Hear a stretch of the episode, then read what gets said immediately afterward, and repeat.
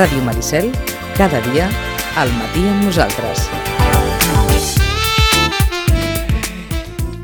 Mònica Gallardo és, des de la setmana passada, la candidata de Junts per Sitges a les properes eleccions municipals. A més de ser, com ha estat al llarg de tota aquesta legislatura, la portaveu de Junts per Sitges, la nostra roda de portaveus avui, per tant, ha de tenir més d'un interès. Mònica Gallardo, bon dia i bona hora. Molt bon dia, Vicenç. Sou ja candidata des de la setmana passada. Exactament, sí, sí. Us fa respecte poder ser candidata d'una secció local de Junts per Sitges dividida? No, perquè mm, al contrari, respecte, a veure, el respecte és una cosa que sempre s'ha de tenir en política, sigui quina sigui la condició en la que un lidera un projecte, i al contrari, eh, jo tampoc podria dir-te fins a quin punt això que s'ha anat dient, no? no? No sé fins a quin punt eh, l'assemblea està o no dividida, en qualsevol cas jo, jo eh, sóc coneixedora de com van anar els resultats, de com va anar la participació, estic satisfeta, he de donar moltíssim les gràcies a les persones que m'han fet confiança i el que mm, vull fer, no només jo, el que farem les persones que estem compromeses en aquest projecte des del principi és treballar per tothom, però no per tothom eh, de, de l'assemblea local de, del partit de Sitges, sinó treballar per totes aquelles persones que, per les raons que sigui, encara no s'han apropat al nostre projecte i que volem doncs, convèncer perquè treballin conjuntament amb nosaltres i ens ajudin a que siguem el projecte guanyador i alternatiu a les municipals de l'any que ve. Um, Deixeu-me que us ho pregunti d'aquesta manera, mal que sigui per la curiositat. Els números que apareixien a l'eco del divendres són aquests números? Els números que... Et prometo que ni recordo els números que apareixien. Aquells 16 que que, em sembla que eren... Mira, hi ha, una qüestió, hi ha una qüestió que és molt important i que també he de dir que a mi no m'ha acabat d'agradar, però tampoc li dono més importància. Eh? Um, jo, hem començat l'entrevista parlant de respecte i jo crec que és una cosa que no hem de perdre. Eh, jo no era militant de cap partit abans de ser-ho de, de Junts. Eh, em vaig fer militant de Junts quan va néixer aquest partit. És un partit eh, que a mi m'agradaria fer aquesta petita falca. S'està construint encara des de l'exili i des de la presó. Per tant, tothom comprendrà, estigui o no d'acord, amb la tendència i la línia ideològica de Junts, que està tot molt complicat. I, per tant, totes les persones que han liderat aquest projecte i a l'equip de persones que s'han encarregat d'elaborar els reglaments i de fer-nos fer, extensives al territori les normes mereixen tot el nostre respecte. I quan se'ns demana una determinada manera de procedir i se'ns diu, escolta, es donaran tants percents però no es donaran dades i no sé què, doncs això és el que farà Mònica Gallardo, perquè si jo no respecto els procediments i les normes del meu partit, doncs flac favor faig al projecte col·lectiu i el concret de, de Sitges. No? Per tant, permet-me, Vicenç, uh -huh. que, que, que no entri en això. El que sí que puc dir és que uh, hi ha hagut un tant per cent eh, de, de participació considerable, que estic molt contenta, del retorn que he tingut de moltes persones perquè el de les persones o que no van votar o que no podien votar o que eh, per les qüestions que sigui, potser hi ha algunes coses que no els agrada tant, encara no s'han dirigit a mi. No? Per tant, jo després de que haguem superat eh, aquest, eh, aquest procés, després de molt de temps, eh, perquè d'això ja fa més de quatre mesos, l'única cosa que i, i vull aprofitar també doncs, l'oportunitat de fer-ho a la ràdio, encara que ho, ho he dit sempre eh, en les assemblees, a, a, als grups de WhatsApp, jo estic a disposició de tothom, com no pot ser de cap altra manera, de Mònica Gallardo i de l'equip de persones que portem treballant des del principi, mai ningú podrà dir, mai ningú podrà dir que ens hem negat a parlar, que no ens hem volgut reunir. I particularment jo crec que també és molt important eh, explicar-me en el sentit que cadascú té un determinat estil, una determinada manera d'anar per la vida i per tant de fer política, no? perquè al final un fa política de la manera que és, jo tinc 51 anys i per tant ho faig com, com sóc, encara que eh, n'aprens molt i, i hi ha moltes coses que modules perquè, perquè vas adquirint coneixement, no? Però mm, a mi no m'agrada que em rendeixin pleitesia, perquè no m'agrada rendir-la, és a dir, crec que per... Eh, Crec que per construir projectes que siguin capaços de liderar, és igual, eh? l'àmbit que sigui un poble, una ciutat, un país, una regió, el que cadascú vulgui, un ha d'estar disposat a que li diguin allò que la gent opina que no està bé. I aquest és un exercici que jo he intentat moltíssim fer durant aquests tres anys, Vicenç, però no només a dintre internament de Junts, perquè de fet Junts neix com a partit enmig d'aquest mandat, eh? sinó amb el meu poble, a, a, al lloc pel qual jo vaig prendre un compromís quan em van proclamar el desembre del 18 i per tant no tindria cap sentit que jo ara digués no a parlar, no a escoltar crítiques, no a escoltar qüestionaments i obrim les portes de, de, del local de Junts, però no només d'aquell local, és a dir, hi ha molta gent a Sitges que té el meu telèfon i saben que jo el dono sense cap tipus de problema. Estic absolutament a disposició de tothom per parlar. Una qüestió molt, molt pragmàtica, a partir de la, de la conversa amb Magiu Mirall, si la Comissió Territorial presenta un recurs, aquest recurs pot suposar Uh, no ho sé. Ho, dic així, uh, No com a, com no a pressupòsit allò... En no- principi, a veure, en principi el, el, procés de, el procés de Sitges ja està tancat, és a dir, s'han donat resposta a, a, a, als, als recursos, és a dir, va ser la Direcció Executiva Nacional, entenc que la direcció executiva, eh, que és molt important que sigui la direcció executiva nacional, que és la que té la potestat, la última potestat és la direcció del partit, evidentment entenc que també doncs, amb, amb, amb l'assessorament dels serveis, dels serveis jurídics està tot eh, respost, per tant, a partir d'aquí seria bo que deixéssim de parlar d'aquestes qüestions i, i que ens dediquéssim a treballar en el que ens toca, no? que, que tenim un repte molt important, Vicenç, que falta menys d'un any per les eleccions de l'any que ve i en principi, bé, el que va fer avui fa just una setmana, eh, la direcció del partit és enviar un correu a, a tota la militància dient Mònica Gallardo ha estat eh, escollida candidata per les municipals de, del 23. I home, jo espero que, bé, això, eh, és a dir, amb la mateixa voluntat i mentalitat que et deia fa uns moments, eh? eh escolta'm, de veritat, parlem, vull dir que, que eh, però amb mi, amb la Rosa, amb la Natàlia, amb l'Àngel, l'Ivan, és a dir, qualsevol de les persones que estem treballant i remant des del principi, perquè hi ha una cosa molt important, que per mi és molt important, Vicenç, és legitimar-se, no? Un a la vida és igual que sigui per una feina, que sigui per liderar un projecte familiar, d'un grup d'amics, i per suposat en política, que no deixa de ser la vida, un s'ha de legitimar. I ha de ser capaç de transmetre aquesta legitimació al seu grup de persones, no? Nosaltres, en el cas concret de Mònica Gallardo, a mi em van venir a buscar, jo no, jo no vaig competir amb ningú, em van demanar si volia encapçalar el projecte, m'ho vaig pensar molt, vaig ser proclamada, i a mi això m'agrada recordar-ho molt, no? Vaig ser proclamada el desembre del 18, per tant vaig tenir només 5 mesos, jo no era regidora, no tenia representació institucional, la gent tenia molt mals auguris, hi ha hagut molts intents per dissuadir-me de fer política, això també ho vull explicar, tant abans com després, per dissuadir-me de fer política, però quan, bueno, soc una persona molt tossuda, molt, molt tossuda, i també compromesa, eh? No amb la política, amb la vida en general i amb les coses en les que em comprometo. Eh, I al final crec que també és important poder demostrar i tenir una fulla de serveis, amb encerts i desencerts. Però la meva i la nostra fulla de serveis, la de Junts per Sitges, és que amb Mònica Gallardo com a candidata vam aconseguir empatar regidors amb el partit que en aquests moments té l'alcaldia.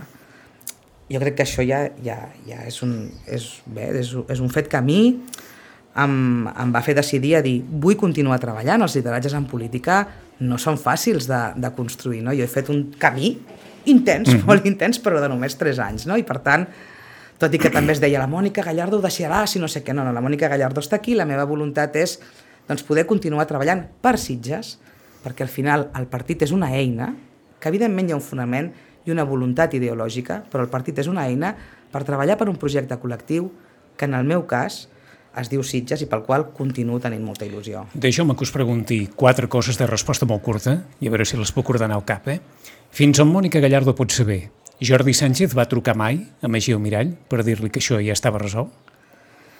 Jo això no puc contestar-t'ho, però vaja, el que sí que et puc dir és que el partit del qual formo part el que no fa, i em sembla que ara, si algú està seguint les declaracions del nou secretari general del senyor Jordi Turull, el que no fa en cap cas és imposar. Mm, I jo no he tingut cap imposició, agraeixo que tothom hagi parlat amb tothom, però el que sí que et puc dir és que Junts no imposa decisions i tot es parla i tot es eh, decideix d'acord amb un reglament i amb la prelació eh, jeràrquica que té cadascun dels organismes. Fins aquí. Heu quedat amb Magí Mirall per aquesta, diguem-ne, proposta que ell deixava també en la seva conversa del divendres? Jo el mateix dia de saber el resultat, la setmana passada, el vaig trucar, el vaig trucar jo, i li vaig dir que, que parléssim quan, quan amb ell vingués de gust i quan volgués, que jo estava sempre disposada a parlar, sempre, sempre, i em va dir que ara de moment no, que volia deixar passar un temps. Dic, doncs quan vulguis. Mm -hmm. Com que va sortir col·lateralment en la conversa, contesteu si voleu i si no, no. Esteu decebuda, Miquel Forns? A veure, um, estic disgustada. No, decebuda, no sé si és la paraula, però al final també t'he de dir que Miquel Forns, que no, no sé si gaire públicament, no? però com que en Magí ha utilitzat una mica, ha utilitzat, és a dir, ha explicat molt, no? La, la, és, és legítim que un aposti per una persona o no per l'altra, no? Jo no, no, no... Estic disgustada però decebuda, no? Perquè un pot tenir un criteri i pensar que li agrada més una persona que o una altra, no? A mi el que em sap greu és que no m'hagi dit més coses durant aquests tres anys, és l'única cosa que em sap greu i, que, i, i la dic ara públicament perquè també li vaig expressar quan, quan em va trucar després que en Magí digués que volia ser precandidat i vaig tenir l'oportunitat de parlar amb ell, cosa que li agraeixo, eh? perquè va despenjar el telèfon i em va trucar, és a dir... Però també em sap greu que no n'haguem pogut parlar més, no? que és que com de repent et trobes allà un dia una situació i dius, ostres, què ha passat aquí, no? Però no passa res, això és política al final, eh? I, i, i és molt important no, no perdre-ho de vista, no? perquè aquests processos sempre són... Doncs cadascú els viu com, no com vol, sinó com pot, però no, no, hi ha, no hi ha res més que això. Jo tinc un gran respecte per totes les persones que han tingut responsabilitat a, en política municipal, que és una cosa molt dura, sí, quin sigui el paper de l'OCA que et toca jugar, i per tant el que jo no perdré mai és el respecte cap a, cap a les persones que han tingut responsabilitat. I una quarta que lliga més o menys amb el que ens dèieu fa un moment, de tot allò que es va aprenent a partir de les converses uh -huh. i, mhm. i de no retre pleitesia a, a ningú. Mònica Gallardo el 2022 és menys beligerant que la Mònica Gallardo de l'any 2020? Mira, aquesta és de les coses que he après jo, Vicenç, crec que quan un arriba a determinada edat es van modulant segons quines coses de la teva manera de fer, però al final l'essència del com som és la mateixa, no? I jo, com que sóc una persona que no sóc gens autocomplaent, moltes vegades tinc tendència a, a qüestionar-me massa, no? I això de, això de la beligerància, clar, la gent que no em coneix, eh, per una banda, la gent que no em coneix i que no em coneix el tracte del tu a tu, perquè Sitges és molt gran i evidentment no puc pretendre que em conegui tothom, tot i que vull aconseguir-ho, eh?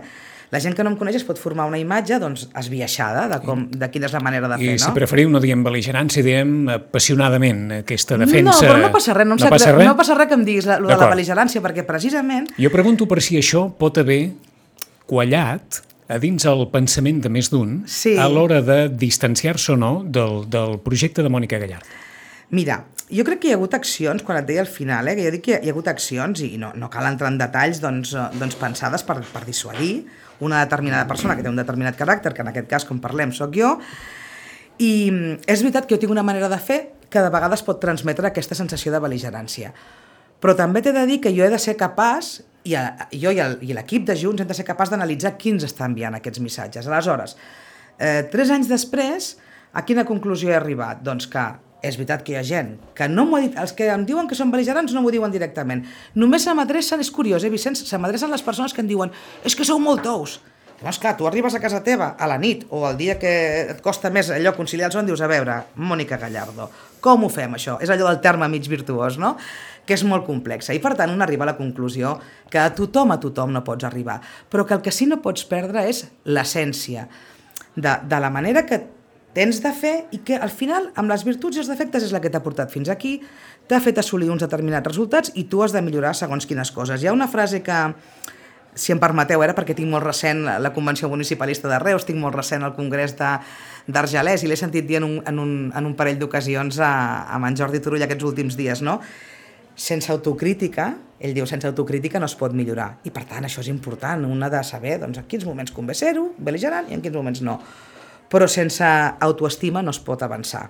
I jo ara el que intento transmetre a tots els que formem part d'aquest eh, projecte és que ens hem de felicitar perquè hem fet molt bona feina aquests tres anys, perquè hem parlat amb moltíssima gent, Vicenç, perquè hi ha molta gent que se'ns ha aprovat, perquè ens ha reconegut com a interlocutors per poder canviar o demanar que millorin coses que estan passant a Sitges i que no agradin, i que la nostra pertinença a un partit com Junts per la cosa que ens ha servit i per la que jo he volgut eh, també doncs, fer útil, ha estat doncs, per poder interlocutar amb les administracions superiors, per tenir accés a un director general, a una consellera, a qui sigui, doncs, per fer allò que ha de ser la política, no? un servei públic. És a dir, nosaltres tenim una obligació que no podem perdre de vista. Uh, hem de liderar, però hem de molts moments intentar ser transparents perquè la, la nostra feina aquí, el nostre mandat, és servir, ser servidors públics des de la política. N'hi ha des de la part tècnica, des de la part de la seguretat, i, i jo això ho tinc molt clar. Jo el dia que vegi que no estic sent útil, he de deixar-ho. Crec que hem fet coses útils des de Junts per Sitges i que encara en podem fer moltíssimes més. 11 i 23. Sobre aquest assumpte voleu dir alguna cosa més? No, mm, el que et deia al principi, eh? eh serenament eh, convençuda, serenament en el sentit de que crec que és important la serenor, amb el mateix equilibri que l'energia que ens ha de fer no perdre ni un segon perquè els resultats de l'any 23 siguin els que permetin que Junts per Sitges assoleixi doncs, responsabilitats de govern a Sitges. Doncs anem a les platges. Anem-hi. Perquè, com deia aquell, estem al ball i al ball s'ha de ballar, uh mhm. -huh. perquè hi ha un timing que és ara el que us està movent. Alguna reflexió sobre la gestió d'aquest procés? Moltes, Vicenç, i aquest és... Eh, a mi, en aquests quatre mesos, el que em preocupava, dic, és que no ens distraiem, eh, perquè nosaltres continuem tenint responsabilitats com a partit majoritari de l'oposició i la gent ens ha de poder trobar quan vol parlar d'aquesta qüestió. Jo crec que això no s'ha fet bé i ja ho vaig expressar... Ho hem dit moltes vegades, eh, al final, perquè Junts per Sitges hem estat els de la moció eh, per, per l'aportació de sorra i hem estat els que, juntament amb d'altres partits de l'oposició, hem qüestionat, hem fet, aquí sí que hem fet una allò, esmena a la totalitat de la gestió de com s'ha fet això. És a dir, no pot ser, per molt que haguem passat una pandèmia, per molt que hi hagi hagut eh, connotacions de finals de temporada, de final de, de, de, de pla d'usos, que ens trobem a dia 9 de juny en la situació en la que estem a Sitges. És que em sembla mm, injustificable aquesta situació i no m'agraden les respostes que ens donen, perquè són respostes que, que fugen d'estudi. És a dir, malauradament, eh, la situació en la que ens trobem en aquests moments a les platges de Sitges seria eh, l'exemple que ens podria donar resposta a moltes altres de les coses del que està sent la gestió d'aquest govern municipal en aquests tres anys de mandat. No planificar, no demanar ajuda quan convé demanar-la, eh, ser molt poc permeables a quan algú eh, sincerament t'estén la mà i anem a parlar-ne, t'ajudem, escolta, no hi ha hagut una voluntat d'escolta, no hi ha hagut una voluntat de, de demanar complicitats quan hi ha algú podia resultar útil per avançar o per fer alguna cosa i per tant aquest armatisme què ha portat? Ha portat a que estem en aquesta situació en aquesta data de l'any sense serveis i a que hi hagi un munt de gent enfadada i a que vingui la gent a Sitges i és que, clar, jo, jo faig una reflexió, és a dir, Sitges viu del turisme, majoritàriament del turisme.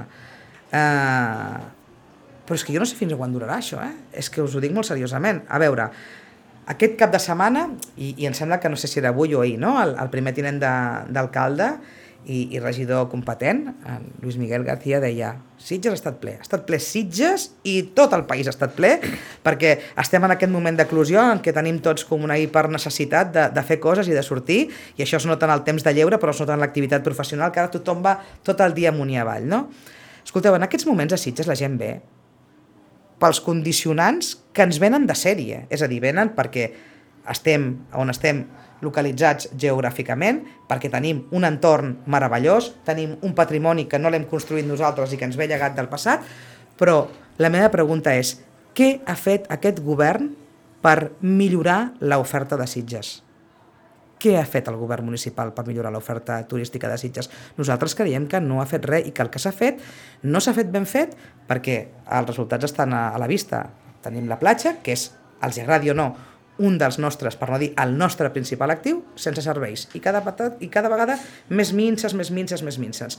I continuem parlant d'estudis i de coses que no s'entenen. És a dir, siguem clars, sisplau. Bueno, jo crec que podem ser clars. Uh, no s'ha fet res en tres, tres anys després. Jo crec que l'alcaldessa ha de dir alguna cosa més que hem fet estudis. I, vale, hem fet estudis i què? I què més farem amb aquests estudis? Portem 20 anys parlant d'estudis. Prou, prou. No ens podem permetre més parlar d'estudis perquè se'ns menjarà. I tampoc podem permetre que ens vinguin a fer caure en aquesta trampa moral a la que ens estem immersos parlant de sostenibilitat, parlant de, de ser respectuosos, perquè és evident que estem en un moment d'emergència climàtica, però mirem el món, mirem el que està passant fora. El propi president del Gremi d'Hostaleria, l'Òscar Stover, crec que fa uns mesos ho va dir aquí, no? Tenim referents a Holanda, tenim referents a Dinamarca. Eh, fer aportacions sostenibles, respectuoses amb l'entorn i amb el medi és possible clar que es pot actuar sent respectuós amb el medi. Només cal abordar-ho seriosament i fer-ho. Ja està. Tam també és cert que la majoria d'experts continuen apuntant que la sorra que portes al cap de dos dies se'n va. Si no tens un sistema Clar, però aquí, per mantenir-la. Aquí és on vaig jo, és a dir, ha sistema, és a dir, el que no podem permetre és, és, és evident que hi ha unes dinàmiques que són les que són i no podem anar contra la natura d'una forma aclaparadora però sí que entre el 0 i el 100 hi ha uns quants números que han de permetre que tinguem una situació una mica millor que la que tenim ara. Clar que ho podem fer. I tot això, evidentment, entenent que la biodiversitat, l'ecosistema, l'hem de respectar i tots volem tenir l'entorn el millor possible i deixar el llegat el millor possible no pels nostres fills. Eh, entendriu que en aquest context el plantejament de la legislatura anterior, que era, si no recordo malament, de fins que no hi hagi un projecte acordat, consensuat, de com estabilitzar les platges de Sitges, l'única estratègia possible és l'aportació de sorra? Clar, és que saps què passa? Que al final, és que ja ho hem dit moltes vegades això, els ports es continuen dregant, la sorra es continua portant a altres platges, i què està passant? Vicenç, al final hi ha una realitat que a mi em neguiteja, no? És allò de dir, no, no, no podem pensar en el curt termini, perquè això que dèiem ara, que evidentment eh, aquesta Setmana Santa, que aquest cap de setmana ha sigut meravellós, que les previsions per l'estiu són molt bones, perquè tothom ho diu, és a dir, tindrem un estiu fantàstic, fantàstic des del punt de vista de moltíssima gent. Però estic segura que amb aquest missatge hi haurà moltes persones que ens escoltin que se sentiran identificades. Jo trobo amb moltes persones que venien a Sitges a la platja i que ja no hi venen. Venir a la platja vol dir venir a la platja, passar el dia o un cap de setmana i per tant anar als restaurants, anar als hotels i anar al nostre comerç, no? perquè és complicat venir a Sitges. És que ara no és una experiència agradable. Clar que estan plenes, les platges s'omplen de seguida, la gent ha renunciat perquè no hi ha, ja no hi ha lloc. És a dir, quan estiguin els serveis, l'espai lliure d'aquelles persones que no vulguin llogar el servei d'una tombona serà el mínim aparcar Sitges, que aquest és un altre tema que m'agradarà comentar-te, és a dir, la gent, i m'ha passat darrerament amb uns amics que em comentaven, no, ara ens quedem a Castelldefels o alguna vegada anem a Vilanova, perquè són llocs on, on es pot aparcar. Clar, un no, no ha de pensar, és a dir, quan jo dic els ingredients naturals són els que són, però què està fent el govern per facilitar que l'experiència turística, l'experiència de visitar a Sitges sigui agradable? Jo crec que no s'està fent res, i això és el que hem de millorar. És a dir, la mobilitat és una altra qüestió a abordar claríssimament, no? D'alguna manera tenim mals crònics que han travessat legislatures. Totalment. No, no, si és que estic totalment d'acord amb això, eh? Però perquè Saps què passa, Vicenç? I això, aquesta és una cosa que he après. Perquè qui més qui menys, els més veterans encara recordaran quan Jordi Serra en els seus programes electorals parlava d'un centre logístic que servís perquè els camions es quedessin allà i perquè en vehicles elèctrics s'entrés al centre de Sitges a repartir. Estem parlant del 91, 92. Exacte, Estem parlant de fa 30 anys. Sí, sí, d'aquells pàrquings que... Exacte, dels Un... pàrquings dissuasoris, que després van portar tota la gresca que van portar al pàrquing de la fregata i de tot allò. Compartíem en aquells moments feina, Vicenç, ah, i recordem però, aquells plens. han passat tres dècades sí, però fixa't. i, eh, i ha costat, o està costant molt, trobar solucions a la mobilitat, a l'aparcament, a les platges, alguns dels temes troncals. Per què? Perquè jo crec que hi ha una cosa que la política ha de començar a fer, els polítics hem de començar a fer, és a dir, quan tu fas política no pots pensar només en la cinta que tu tallaràs o en les claus dels pisos que tu lliuraràs. Tu has de tenir la capacitat suficient com per tirar endavant projectes que tu saps perfectament que no podràs inaugurar, que seran el teu llegat. I crec que un bon polític ha de ser capaç de fer això. Jo hi penso molt en això, Vicenç, és a dir, no pots construir i fer política amb la curta mirada i pensant en allò que et donarà un rèdit immediat, perquè aleshores la política es converteix en un seguit i un cúmul de pedaços que fan que no hi hagi una estratègia, que no hi hagi una mirada llarga i una cosa per mi pitjor, que no hi hagi il·lusió en un projecte col·lectiu en el que tots volem anar i anhelar, no? I, i aquest és un problema que jo crec que s'ha de, bé, que, que, que s'ha de solucionar, és a dir, eh, un ha de fer un ha de fer un, un, un exercici per dir... Eh, si han sentit bé. una porta és que ha entrat sí, a l'1, eh? jo també me l'estava mirant. Sé qui és, eh? Perquè Ah. els he trobat... A... És, és del rodatge, Vicenç. D'acord, d'acord. Perquè... Són del rodatge. Ja està, ja està. Jo també me l'estava mirant amb uns està. cascos i anant... Però, diguem-ne que eh, Mònica Gallardo ha mantingut l'estoïcisme i la compostura eh, davant d'això. Procurem no perdre-la. Procurem. Doncs Estàvem en deia, no? assumpte. És veritat, per què? Perquè, mira, jo, per exemple, aquest, aquest exemple me'n recordo que li posava mm, precisament a l'alcalde Miquel Forns, quan ell va assolir l'alcaldia l'any 2011, que veníem de l'últim mandat d'en Jordi Baget, on hi va haver el recordat projecte Qualia. Clar, jo crec que és un error que facis una esmena a la totalitat del que han fet els anteriors. Un ha de tenir la capacitat d'anàlisi de ara, què s'ha fet en aquests últims 4 o 8 anys? Quines coses són mereixedores d'analitzar i intentar tirar endavant pel bé col·lectiu, no? I això jo crec que, almenys a Sitges, eh, pel que jo he anat veient, moltes vegades no s'ha fet.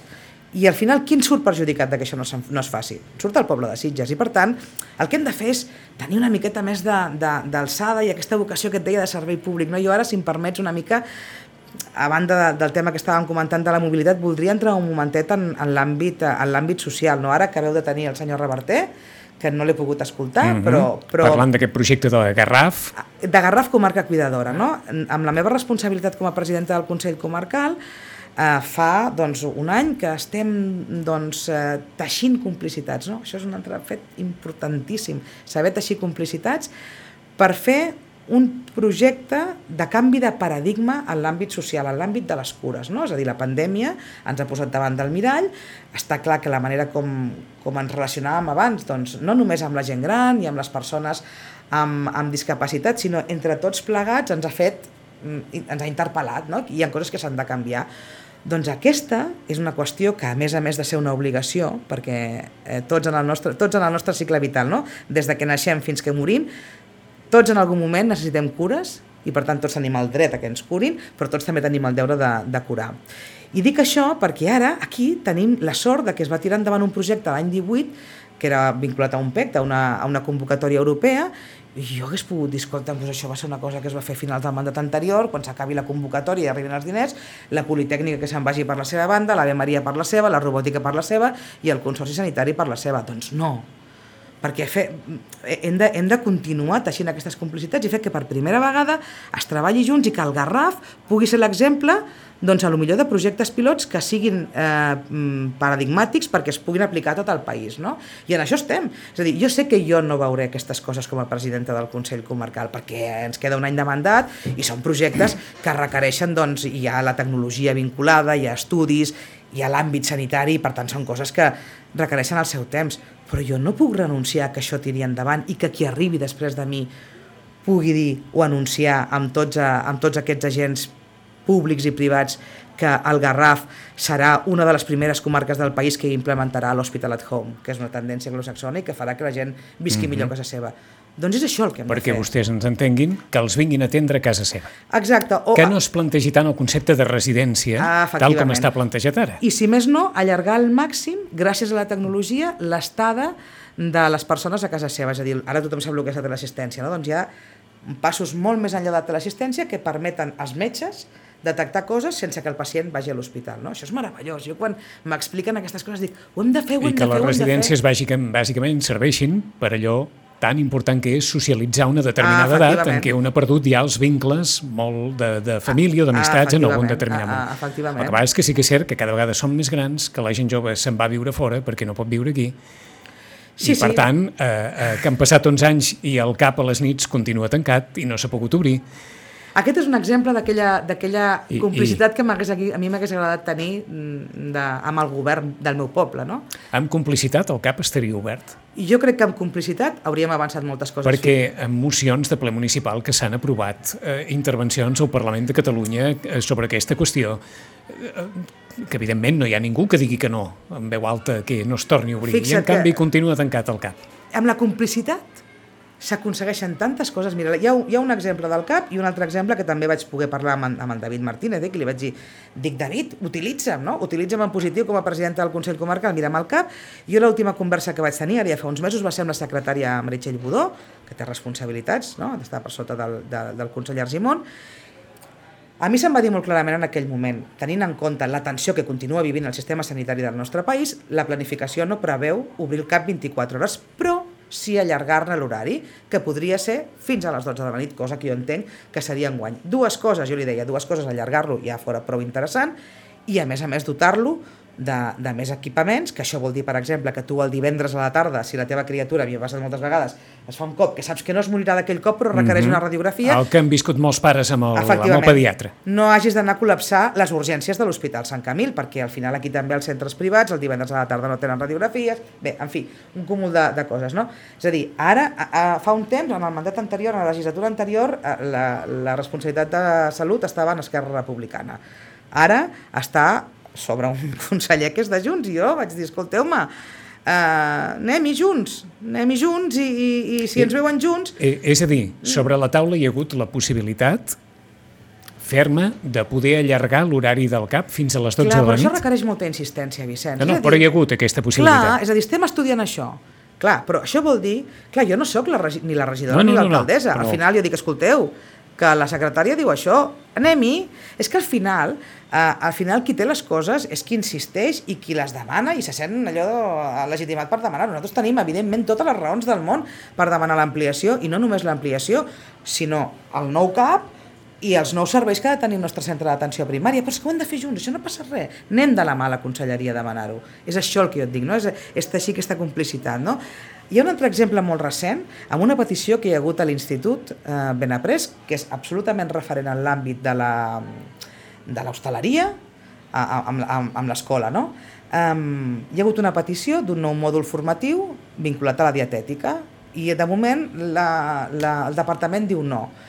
Clar, nosaltres tenim una eina a la comarca, que és el Pacte Comarcal per l'Ocupació, que allà hi som els sindicats, els ajuntaments, el Consell Comarcal, el Departament d'Ocupació i el SOC, no? Què fem nosaltres allà? Els diem, escolteu, SOC, quan es planifiquin polítiques públiques per ajudar els treballadors, no ho feu de qualsevol manera o amb paràmetres de fa 20 anys. Escolteu el que necessita aquest territori, el que necessita Sitges, el que necessita Vilanova, etc etc. no? I al Departament d'Educació li diem, escolteu, no ens poseu aquí un mòdul que segurament no respondrà ni a les peticions ni a les necessitats del futur de la gent que estudia allò, no? Doncs Sitges ha fet la seva feina i ho ha demanat, no? però l'altre dia fèiem la reflexió i els dèiem, és que clar, si el Departament d'Educació arriba una petició de l'Ajuntament de Sitges, acompanyat del de Vilanova, Sant Pere de Ribes, Olivella, Canyelles i Cubelles, i a més a més els sindicats, i a més a més, clar, i a més a més la Federació d'Empresaris, és aquesta manera de, de fer política que és la que jo crec que ens falta. No? I, I aquesta és la cosa que a mi m'ha agradat molt aprendre durant aquest temps, és a dir, sumar és allò de sumar és multiplicar, mm -hmm. sumar és multiplicar, no? i quan quan es tracta de projectes que són inqüestionables, no, no ens podem permetre que les sigles o les estratègies de curta mirada facin que estem manllevant oportunitats a la nostra ciutadania. Com que ara parlàveu d'això de la curta mirada i abans d'anar a l'assumpte del romanent, dels 12 milions, heu vist el llibre de Jordi Beget? Sí. I què tal? No l'he acabat de llegir, perquè com que aquests dies he tingut molt embolic, no l'he acabat de llegir. He vist el llibre de Jordi Beget, vaig anar a la presentació del llibre de Jordi Beget, he parlat amb Jordi Beget, eh, crec que sempre és interessant fer aquest exercici, Uh, Jordi Beget ha sigut alcalde durant 8 anys, a més a més de tenir una prèvia també prou llarga a l'oposició i per tant, com et deia abans, no? Quan, de, a mi em mereix molt respecte les persones que fan aquest exercici, no? Des, perquè crec que aquest és un exercici de suma, no, no, de, no de resta. I jo crec que hi ha coses i, i ell ho sap perquè li vaig dir sempre i li vaig dir també a l'alcalde que va venir després, és a dir, li vaig dir a Miquel Forts, que jo crec que hi ha coses de la visió i de l'anel d'en Jordi Baget que encara serien vàlides a Sitges, no? I jo és el que trobo faltant en aquests moments a la política al meu poble. Alguna d'aquestes coses que estiguin al llibre? Quàlia. És a dir, Quàlia, que va ser molt castigat, Qualia, jo crec que a Qualia li van passar dues coses molt importants. Va arribar en un moment en el que Jordi Baget arribava al final del seu segon mandat. És aquell moment en el que jo crec que tots eh, els hi passa una mica que comences no a viure una realitat paral·lela, però està una mica lluny del que està dient el poble. I això és molt perillós, però que és, que és molt humà que passi això. No? És a dir, jo crec que el moment no era l'adequat, perquè estàvem en plena crisi econòmica, les finances de l'Ajuntament estaven en una situació lamentable, així van ser els, els, els anys següents, molt, molt durs, i aquest sí que es vaig viure juntament amb l'alcalde, va ser en un mal moment i segurament a lo millor no estava rodejat de les persones necessàries per tirar endavant aquell projecte. Ara, com a aspiració de transformació i d'alternativa el teu municipi jo crec que és un gran exemple. Evidentment, eh, per revisitar-ho, precisament per això jo me'n recordo que l'any 11 un dels projectes, us recordareu, era la LIPA, no? la Universitat de la Liverpool, uh -huh, no? que, que uh -huh. després es va transformar en el que actualment és l'IAB. No? Jo me'n recordo que en aquells moments el, el govern de Miquel Forns els deia no us equivoqueu, no perquè això hagi sigut una de les qüestions que estan vinculades a Qualia, nosaltres hem de treballar perquè Sitges tingui una universitat de les arts, però per l'amor de Déu, quants pobles i ciutats del món voldrien tenir una universitat de les arts? I jo me'n recordo que em referia en aquests termes moltes vegades. No ens podem permetre posar al calaix coses que encara estan aquí trucant a la porta perquè formen part d'un altre govern. No? Afortunadament, al final, eh, eh l'Institut of the Arts Barcelona està a Sitges, no? que jo crec que encara ha, ha de tenir un recorregut. Vull dir que tornant al que em preguntaves, que m'he anat una mica per la tangent, uh -huh. però, però em sembla un bon exercici, però encara no el puc analitzar del tot perquè no l'he acabat, i per tant no puc fer l'anàlisi sencer. Els 12 milions d'euros de romanent que queden, el que es pot fer amb aquests 12 milions d'euros, si no són 12, 10, els que quedin.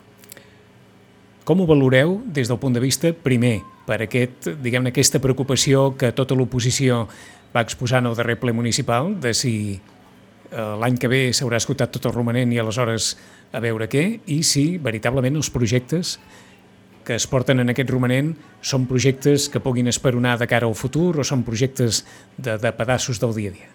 Seria això segon. Seria això segon? Seria això segon i sap molt de greu perquè jo crec que no podem de cap manera aprovar el govern municipal en la gestió financera, ergo, en la gestió dels projectes de futur per Sitges. És a dir, quin és el projecte de futur de Sitges si, eh, si no ens eh, n'anem a, a llocs comuns, és a dir, no podem, no podem parlar d'endreçar, de millorar.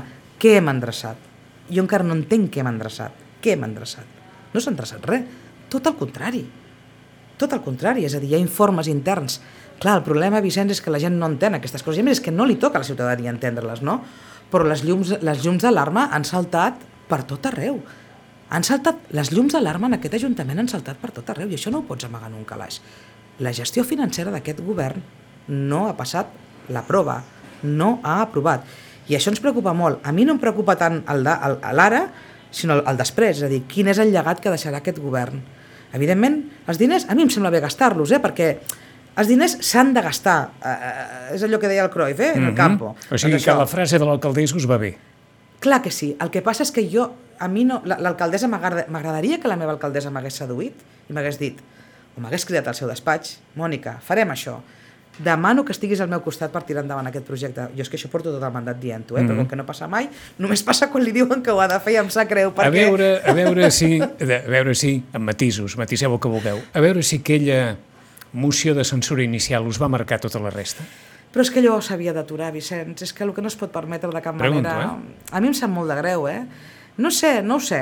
Jo després amb, amb, amb, amb l'alcaldessa, escolta'm, amb la, afortunadament l'alcaldessa, bueno, primera, eh, escolta'm, si ens trobem pel carrer, podem tirar carrer Sant Francesc amunt fins a arribar al cap de la vila, faltaria més, eh? Anava que són persones... Home, vull dir, no, no, no canviem de, de, sí, sí. de vorera, eh? I podem fer un cafè juntes i fins i tot un cop cada dos mesos dinem juntes perquè ens uneix el Consell d'Alcaldies, el Consell Comarcal, no? I, i parlem però a mi m'agradaria més, a mi m'agradaria parlar més amb la meva alcaldessa, perquè és la meva feina mm, parlar amb la meva alcaldessa i no ha estat possible, és igual, és, és la seva opció i jo tampoc puc fer res, vull dir que és la seva opció, però sempre que puc aprofito per demanar-li encara que sigui un any, no? Això que et deia, jo no sé si allò va marcar o no va marcar, però hi ha moments en els que s'han de prendre decisions. En qualsevol cas, això dels diners al carrer era el que se li reclamava al govern de Forns és que en jo, el seu moment. És també. que crec que aquest va ser un error jo crec que el segon mandat de, de Miquel Forns va patir de la ressaca del primer. El primer va ser tan, tan extremadament dur, i a més a més, no, no és que fos dur, és que tampoc hi havia més marge, mm -hmm. és a dir, no es podia comprar... Era més com si diguéssiu, va quedar interioritzada aquesta psicosi del no Clar, gastar, del no gastar. Va, va haver situacions molt bèsties, eh? Jo recordo en el primer mandat agafar el meu vehicle, el meu cotxe particular, el radiador que jo tenia al despatx on jo treballava i portar-lo a una llar d'infants perquè no hi havia calefacció. Això ho ha fet Mònica Gallardo. Això et deixa un marc mental molt complex de gestionar després, perquè et deixa un patiment brutal. Sí. I voleu dir que allò es va traslladar jo, el segon a, a la mandat, concepció no hi, de les coses. Jo en el segon mandat no hi vaig ser, però crec que li va faltar ambició al segon mandat de, en aquest sentit i deixar les bases per projectes transformadors pels Sitges del futur. És a dir, deixar-se anar una mica en, Exacte. el, en el sentit de... I, i, I per tant aquesta contenció de dir no gastem, no, s'ha de gastar, s'ha de gastar fins on pots gastar, no més del que puguis gastar, però s'ha de gastar. I el problema és que ara s'ha gastat eh, sense planificar, que és el que diem sempre. I la mostra de que no s'ha sigut capaç de planificar i que no hi ha un gran projecte estratègic és el que diem sempre de les permanents i constants modificacions de crèdit i el no tenir ni un pressupost que hagi dibuixat algun projecte estratègic des del principi. Però no hi és ni tan sols amb el tema de l'habitatge, que podria ser un exemple, eh? perquè al final això s'ha fet gràcies a, a aportacions, subvencions que han vingut des de l'administració de l'Estat, des de la Generalitat, i per tant ni aquí hem abocat tampoc els diners. Però ni sempre aquí. prou dir que en aquesta legislatura s'ha fet habitatge. S'ha fet habitatge perquè hi ha hagut el context favorable per fer habitatge, amb un context no a Sitges, eh? sinó allò a nivell de país, a nivell de l'Estat, i perquè hi ha hagut polítiques públiques d'administracions superiors que ho han afavorit. Jo no vull qüestionar que s'hi hagin posat ara per... Les, no, jo no qualificaria de polítiques públiques d'habitatge, jo crec que s'ha anat a mínims, a mínims, mínims, mínims, i que no s'ha sigut gens ambiciós en el sentit que, que haguessin pogut fer molt més i tot allò que van dir que farien no s'ha fet. És a dir, amb el tema del tanteig i retracte, amb el tema dels grans tenidors, amb el tema de la borsa dels lloguers buits, etc etc. Aquí tenim un repte ingent, ingent, ingent que hem de treballar i ho dic i ho diré sempre. Eh, no puc entendre com un partit com la CUP, guanyem Sitges, que és el responsable d'habitatge amb l'esquerra, que són els que proclamaven canvis, transformacions i municipalitzacions, quan ho han tingut a les mans, quan ho han pogut fer, ens han demostrat que són paraules buides i que no compleixen amb la seva paraula, perquè el que han fet és absolutament tot el contrari, llegar la gestió de l'habitatge públic del nostre municipi, hipotecar el sol públic a tercers, a unes fundacions, que faran que d'aquí uns anys, i toco fusta, i en aquest cas espero haver-me de menjar aquestes paraules, tinguem problemes similars als que han reclamat, i crec que han vingut també aquí, els veïns dels mm -hmm. pisos de promoció De la Caixa. de, de la Caixa, tant a Can Robert com a Rita Benaprés. Aquest no és el model. Pot ser el model puntualment, vale. però en qualsevol cas amb un conveni amb les fundacions diferent al que tenim i amb unes bases també, en el nostre entendre, diferents. Un apunt final, doncs, l'Ajuntament hauria d'exercir de promotor? Clar que hauria d'exercir de promotor. I si més no, tenir una oficina pública d'habitatge amb el nom o la forma jurídica que sigui adient en cada cas. Però hi hauria d'haver un pool important de persones, un equip important de persones dedicades única i exclusivament a gestionar, mirar i cercar totes les oportunitats per fer que els nostres joves, els nostres grans i les persones vulnerables no hagin de marxar i sobretot no hagin de malviure el nostre poble. 11 i 50 minuts. Mònica Gallardo, gràcies. A vosaltres.